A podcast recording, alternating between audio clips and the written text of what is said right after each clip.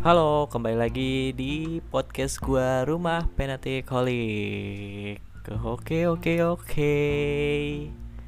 Ya, hmm, hari ini gue siaran di tanggal 9 bulan Oktober 2020. Lo tau gak hari apa ini? Bener-bener hari di mana mood gua bener-bener hancur lihat sosmed. Karena apa ya? Iya, ini hari hari demonya besar-besaran gitu. Cuman yang bikin gua yang bikin gua muak gitu ketika mereka cuma mengejar sebuah atensi gitu. Asal usulnya, substansinya, landasannya mereka nggak punya dan itu yang bikin gua uh mood gua bener-bener drop banget hari ini. Hmm, parah. Apalagi teman-teman gue yang bener-bener seharusnya dia nggak ada di situ dan dia pun sadar gitu dan nggak ada pengaruhnya juga buat uh, usahanya dia gitu. Oke okay lah nggak apa-apa. Kalau nggak kayak gitu ya kehidupan gak bakalan seimbang gitu. Biarin aja biar mereka pada sadar sendiri. Dan gue yang lebih approve ketika uh, mereka demo tapi dia take it control gitu mereka masih punya kontrolnya mereka masih tahu apa yang mereka suarakan. Mereka lebih prepare soal solusi bukan ambisi gitu. Ini cuman aduh ngejar panggung sih ya.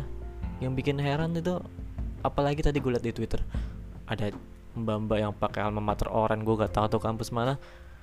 Is anjir. Bikin tiktok kan cuy.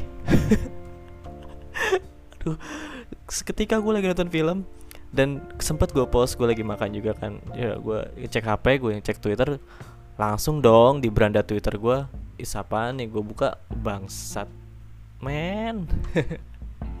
Ukti ukti pada tiktok kan di tengah demo joget-joget yang gini-gini lagi. Ih gini-gini ya ya lo tau lah ala-ala tiktok gimana gitu. Parah-parah oh iya sorry sorry. Openingnya gue uh, ngeluapin isi hati gue ya. Karena bagi gue gue tuh penting banget suarain ungkapin unek-unek gue ya. Kalau bukan dari podcast gue ya dari ke mana lagi gitu. Dan gue salah satu tipikal orang yang mungkin susah banget buat curhat ke orang gitu. Kalau orang itu bener-bener nggak nggak ngesem apa yang gue rasain gitu. Bener gue nggak bisa. Ya salah satunya ini ke podcast gitu self healing gue juga mungkin ada di sini gitu dengan cara-cara yang kayak gini gitu.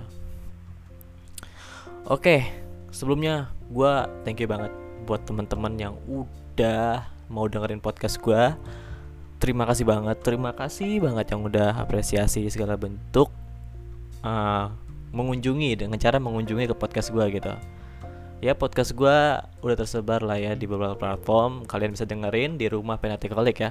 Dan gue tunggu banget nih gue tunggu banget uh, apa uh, sharing buat teman-teman sama gue gitu. Biar podcast ini tuh uh, apa sih yang kurang gitu ya kan. Kita bisa bertukar pikiran gitu kita ngebahas apa sih gitu. Atau mungkin uh, penyampaian gue yang mungkin kurang kurang berkenan di hati pendengar gitu. Atau mungkin gak enak kedenger ya udah gue mohon banget uh, apa masukan dari kalian gitu. Kalian bisa DM langsung di IG gue atau mungkin di IG Penatikolik ya. Kalian tinggal cari Penatikolik udah itu ketemu. Kalian boleh DM dan kalian boleh nanya-nanya apa pun itu. Oke, hari ini gue bakal bahas soal trauma ya. Trauma nih, trauma. Tetap sama core gue nih di konten gue sekarang tentang psikologis gitu. Ya, karena psikologis sebagai gue uh, gorengan gue sih. Gue harus ngegoreng hal-hal yang berbau psikologis gitu. Ya karena uh, habit gue lingkungan gue itu gue lebih banyak banget terkuras ketika gue bener-bener mood gue gue kan gue lahir dari seorang yang moody gitu. Dan gue sadar atmosfer kayak gimana sih kayak gimana sih gitu. Dan jadi uh, oh mungkin gue kadang suka suka nge self diagnose ini nggak boleh sebenarnya nggak boleh. Jadi gue lebih, lebih ke kayak oh ini mungkin ini bukan porsi gue gitu porsi gue nah alhasil gue gue sen gue bukan seneng.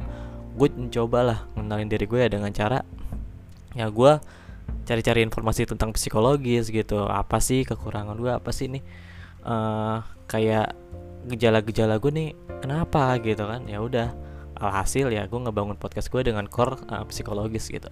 Biar curahannya dapet gue bisa uh, meluapin emosi gue dan gue juga bisa berbagi sama teman-teman lewat podcast gitu kan. Dan ya ini hasil-hasil dari gue belajar gitu yang meskipun gue nggak ada background di psikologis tapi uh, literally gue gue senang baca gue senang nonton video gue senang nonton film apa pun itu.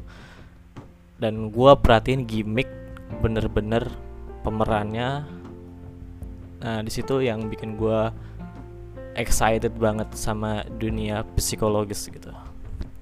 Karena jarang banget orang yang bener-bener beramal bukan bukan bukan hanya sekedar materi gitu tapi lebih ke uh, apa ya main main into main gitu. Anjir main tuh main dong. Lebih ke secara uh, apa? Mata interaksi atau mungkin secara hati. Dan kita uh, dan gue pun gue juga senang banget kalau ketika ada yang curhat. Dan gue benar-benar gali terus informasi dan gue gimana caranya gue nggak ngasih solusi yang tabu gitu. Yang cuman kayak ya lu lapar ya lu eh lu lapar ya lu makan gitu. Lu haus ya lu minum gitu. Gue nggak gue nggak kayak gitu. Gue bener-bener nge apa ya ada uh, intervalnya gitu. Ada ritmenya ya gue dimulai ya gue harus narik ulurnya dia dulu nggak emosi dan narik emosinya dia supaya dia bener-bener yo uh, gue tulus untuk ngeluangin curahan lo di gue gitu. Oke. Okay. ya yes, kurang lebih seperti itulah uh, kenapa gue suka dekor psikologis ya. Oke lanjut nih. Aduh sorry. Jadi presentnya kelamaan nih. Nih gue hari ini gue ngebahas PTSD atau Post Traumatic Stress Disorder. Gangguan stres pasca trauma adalah gangguan mental yang muncul setelah seseorang mengalami atau menyaksikan peristiwa yang tidak menyenangkan. Nah, kali aja teman-teman yang masih punya rasa traumatis di hidupnya, boleh nih, boleh banget lo dengerin podcast gue sampai akhir ya. Kali aja gitu kan bermanfaat buat lo. Karena uh, uh, mendengarkan podcast tuh ada ada ini ya maksudnya ada uh, improv improvisasinya gitu.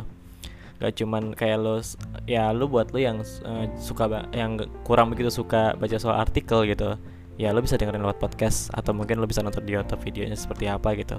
Tapi kan improvisasinya itu loh yang yang sulit banget gitu.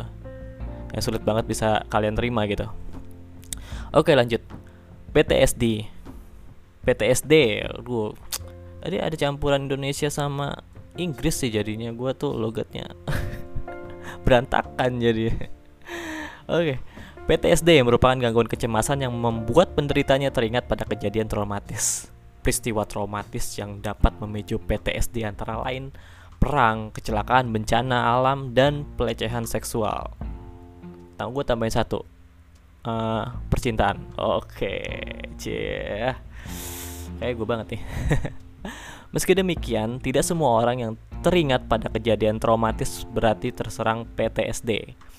Ada kriteria khusus yang digunakan untuk menentukan apakah seorang mengalami PTSD. Nah, ini gejala PTSD. Gejala PTSD, PTSD. Hmm, biasa biasa, belum pemanasan mulut. Gejala PTSD muncul setelah seseorang mengalami peristiwa yang membuatnya trauma. Waktu kemunculannya bisa beberapa bulan atau beberapa tahun setelah kejadian traumatis tersebut. Tingkat keparahan dan lamanya gejala juga berbeda-beda pada setiap penderita. Beberapa gejala yang menunjukkan seseorang mengalami PTSD adalah yang pertama, ingatan pada peristiwa traumatis. Penderita PTSD sering kali teringat pada peristiwa yang membuatnya trauma. Bahkan, penderita merasa seakan mengulang kembali kejadian tersebut. Ingatan terhadap peristiwa traumatis tersebut juga sering kali hadir dalam mimpi buruk, sehingga penderita tertekan secara emosional. Yang kedua, kecenderungan untuk mengelak. Mengelak. Mengelak ya. Penderita PTSD enggan memikirkan atau membicarakan peristiwa yang membuatnya trauma. Hal ini ditunjukkan dengan menghindari tempat, aktivitas, dan seseorang yang terkait dengan kejadian traumatis tersebut. 3. Penderita dan perasaan negatif. Penderita PTSD cenderung menyalahkan dirinya atau orang lain. Selain itu, penderita juga kehilangan minat pada aktivitas yang dulu disukainya dan merasa putus asa gitu. Penderita juga lebih menyendiri dan sulit menjalin hubungan dengan orang lain. Oke, yang keempat, perubahan perilaku dan emosi. Penderita PTSD sering kali mudah takut atau marah meskipun tidak dipicu oleh ingatan pada peristiwa traumatis. Perubahan perilaku ini juga sering membahayakan dirinya atau orang lain. Penderita juga sulit tidur dan berkonsentrasi. PTSD dapat terjadi pada anak-anak dan orang dewasa, namun pada anak-anak terhadap gejala khusus, yaitu sering melakukan reka ulang peristiwa traumatis melalui permainan. Anak dengan PTSD juga sering mengalami mimpi buruk yang bisa terkait secara langsung maupun atau tidak kejadian traumatis yang dialaminya. Nah, ini nih, uh, gue cerita sedikit. Uh, gue dulu pernah trauma sih waktu SD ketika zaman zamannya dulu tuh uh, edik banget excited banget sama dunia pers McDonald gitu. Ini salah satunya nih gue gue korban banget sih. Karena di kelas 4 apa 3 gitu. Eh iya deh 4 4 ke 5 gitu. Itu bener-bener excited banget di SD dan gue pun bener-bener nikmatin banget itu fight-nya fight-nya gimana ya? E, bercanda tapi beneran gitu. Anjir gitu. Dan ada salah satu momen ketika uh, teman gua nge ngepiting ngepiting ya kayak ngejepit tangan gua ke belakang itu bener-bener serasa anjir tulang gua langsung panas kayak pengen patah gitu. Dan di situ bener-bener tangan gua gak bisa digerakin is nah itu rasa pertama kali muncul trauma gue ya. Dan oh iya itu untuk uh, lingkungan di SD kan tapi sebelum itu gue punya traumatik yang lebih gila lagi men. Soal keluarga.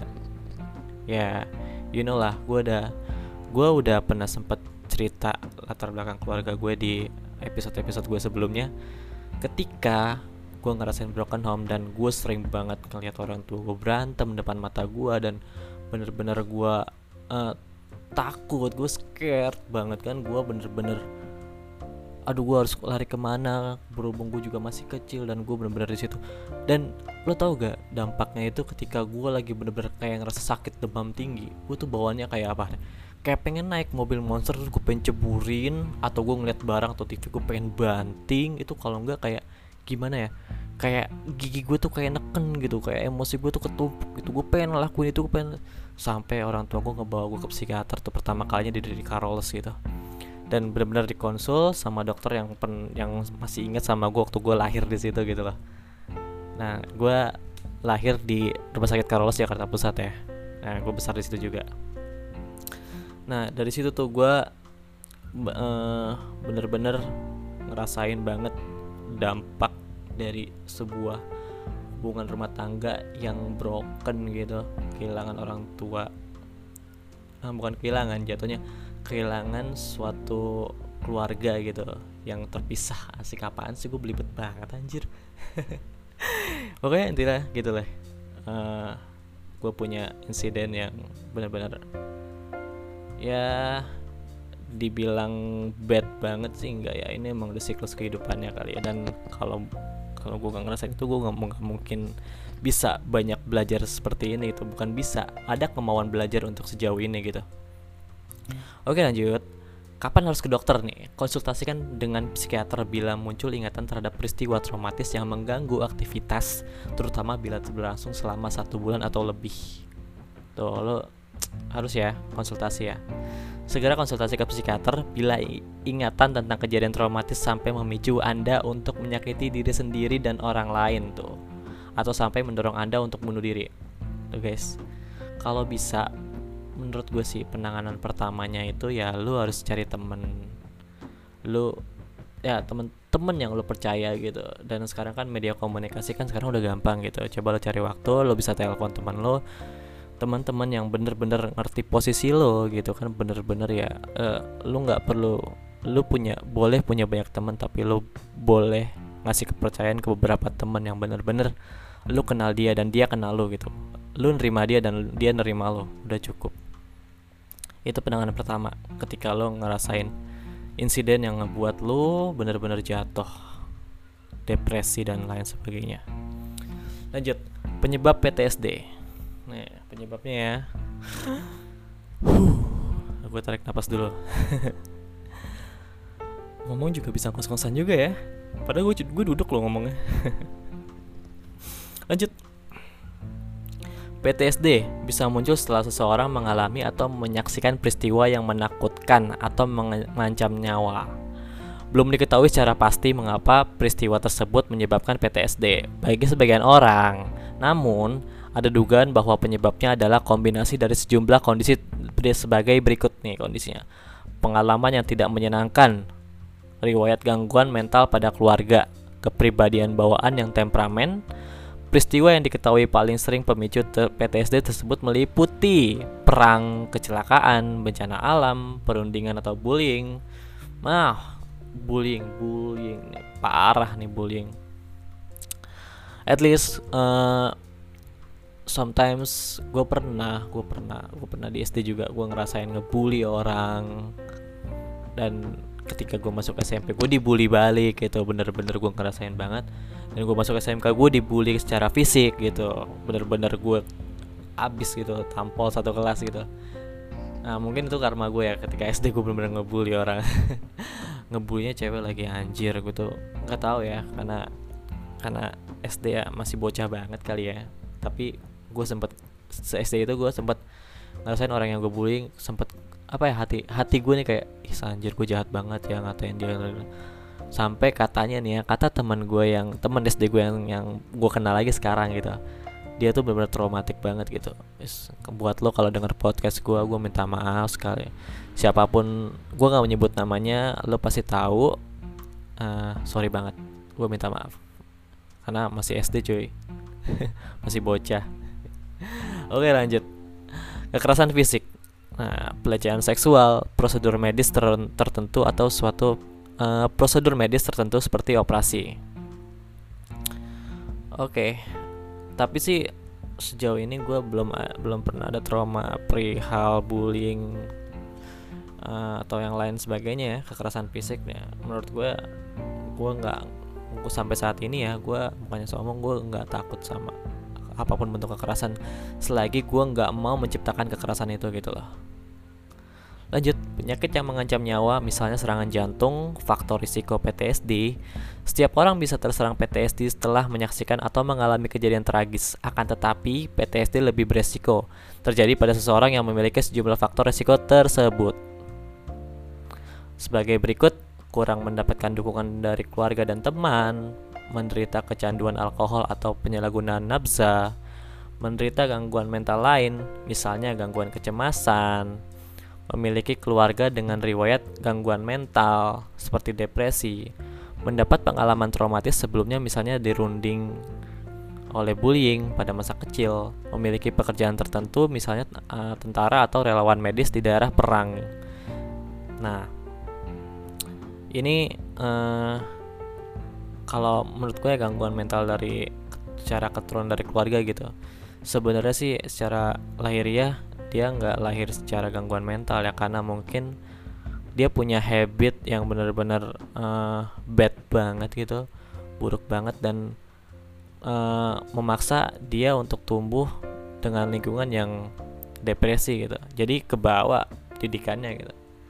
Dan uh, literally 80% dari kita kita hidup dengan lingkungan gitu ketentuan hidup kita ya dari lingkungan gitu dari habit kita gitu ya. Itu menurut gue gitu bukan dari orang itu ketika lahir gue pengen jadi tanamin gitu gue pengen jadi tentara tanpa dia dikenalin seorang tentara tuh bentuknya kayak gimana. Gue pengen jadi dokter tanpa orang tua ngasih tahu ini dokter bentuknya kayak gini loh. Nah apalagi ketika dia punya lingkungan baru punya teman-teman baru dan bener-bener lingkungannya uh, toxic banget gitu pasti berubah lagi gitu dan ini uh, lingkungan berpengaruh penting. Makanya gue punya hope ketika gue punya anak nanti gue jauh-jauh deh dari daerah-daerah perkotaan gitu. Tapi uh, itu cuma sebagai cara si plan gue gitu. Dan untuk selebihnya ya kalau emang anak gue uh, apa ya punya jalan hidupnya dan bener-bener matang sama pilihan dan dia tahu resikonya it's okay gitu. Ya udah dia yang hidup toh gue cuma bisa membimbingnya anjir udah ngebahas anak cuy. Pacar aja belum punya. Ya udah gitu. Gue lagi self feeling banget sih karena gue lagi nggak bisa nggak bisa banget buka hati apa gimana. Tapi nggak menutup kemungkinan sampai apa apa gue nggak bakal buka hati tapi gue bakal buka hati gitu. Uh, kenal sih udah sama cewek cuman ya begitu mentok-mentoknya uh, ada kesalahan yang udah dan gue nggak mau berusahain itu gitu. Gue udah gak mau cukup. Kalau emang lu mau sama gue ya udah. Masalah sebesar apa pun bisa di skip gitu. Atau mungkin kita bisa bisa merunding semalaman full besoknya kelar gitu. Udah. Kita yang penting kita tahu tujuan kita apa gitu. Wih keluar konteks jadi curhat nih anjir. Sorry sorry sorry sorry Nah diagnosis PTSD nih lanjut ya. Dokter akan menanyakan gejala yang dialami pasien Dan melakukan pemeriksaan fisik Untuk mencari tahu apakah gejala yang dialami pasien disebabkan oleh penyakit fisik. Jika penyakit fisik tidak ditemukan Pasien akan dirujuk ke dokter spesialis kejiwaan atau psikiater. Seseorang baru dapat dikatakan menderita PTSD bila memiliki riwayat mengalami kondisi atau peristiwa berikut sebelum gejala muncul. Oke, nih mengalami peristiwa traumatis secara langsung, menyaksikan peristiwa traumatis yang menimpa orang lain, mendengarkan bahwa orang terdekat mengalami peristiwa traumatis baru baru berulang berulang kali oh berulang kayak orang Sunda berulang kali terbayang pada kejadian traumatis secara tidak sengaja. Untuk dikategorikan sebagai PTSD, gejala yang dialami pasca peristiwa traumatis harus berlangsung selama satu bulan atau lebih. Gejala juga harus mengganggu aktivitas sehari-hari, terutama dalam hubungan sosial dan pekerjaan. Oke. Pengobatan PTSD. Pengobatan PTSD bertujuan untuk meredakan respon emosi pasien dan mengerjakan mengajarkan pasien cara mengendalikan diri dengan baik. Ketika teringat pada kejadian traumatis, metode pengobatan yang dilakukan sebagai berikut ya, meliputi psikoterapi. Ya, psikoterapi merupakan pilihan pertama dalam mengatasi PTSD.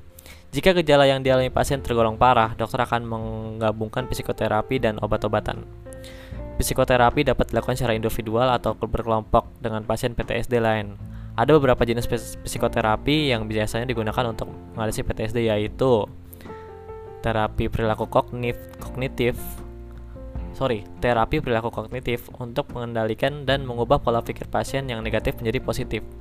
Terapi exposure untuk membantu pasien menghadapi keadaan dan ingatan yang memicu trauma tra secara efektif. A movement, this desensi, a movement desensitization and response responsing anjir susah banget nyebutnya. A movement desensitization and responding ah skip skip skip. Singkatannya aja. EMDR yaitu kombinasi terapi exposure dan teknik gerakan mata untuk mengubah respon pasien saat teringat kejadian traumatis. Obat-obatan, dokter akan memberikan obat-obatan untuk mengatasi gejala PTSD. Obat yang diberikan tergantung pada gejala yang dialami pasien antara lain antidepresan untuk mengatasi depresi seperti sertraline dan paracetamine. Anti cemas untuk mengatasi kecemasan prazosin untuk mencegah mimpi buruk. Dokter akan meningkatkan dosis obat bila tidak efektif dalam mengatasi gejala. Namun, jika terbukti efektif, obat-obatan akan terus diberikan setidaknya sampai satu tahun. Kemudian pengobatan akan dihentikan secara bertahap. Oke. Okay. Komplikasi PTSD. Nah, PTSD mengganggu kehidupan penderitanya baik di lingkup keluarga atau pekerjaan. Selain itu, Penderita PTSD juga berisiko menderita gangguan mental lain seperti depresi, gangguan makan, gangguan kecemasan, ketergantungan alkohol, penyalahgunaan nafsa. Penderita PTSD juga lebih berkemungkinan memiliki keinginan untuk melukai diri sendiri bahkan bunuh diri. Hmm, kayak udah kita bacain ya tadi ya. nah mungkin itu aja sih uh, nah topik kita kali ini ya bicara soal PTSD ya trauma ya. Karena gak bisa menutup kemungkinan kita dalam hidup pasti pernah ngejala ngerasain trauma sih ya. Tapi cara-caranya aja orang yang bisa nyikapinnya orang yang bisa menghadapinya. Orang-orang yang mungkin uh, personal personal banget masalah kayak ini profesi banget gitu untuk soal traumatik gitu Oke, sekian info dari gua yang ngebahas soal post traumatic stress disorder. Semoga bermanfaat dan uh, terima kasih yang udah dengerin pokoknya siapa pun kalian gue minta sarannya gue minta uh, komenannya gue minta masukannya dari kalian gue minta sharingnya sharing topik segala macam atau mungkin kita bisa berbagi perspektif kita gitu tentang pandangan kita di dunia persi, uh, pers psikologian gitu uh, sorry sorry psikologi gitu nggak usah psikologi lah lebay anjir bahasanya Oke, okay, thank you banget. Thank you, thank you, thank you. Hmm, tunggu podcast gue selanjutnya ya. Terima kasih.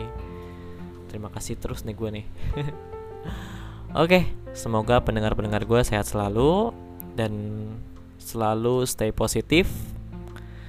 Selalu disugesti sama pikiran-pikiran positif karena menurut gue hari-hari lo bakal indah ketika lo tanamin sugesti positif gitu. Terlebih di luar dari momen-momen yang akan datang gitu Oke. Sekian dari gua. Rumah Penatikolik mengucapkan terima kasih anjir. Thank you, thank you. Bye.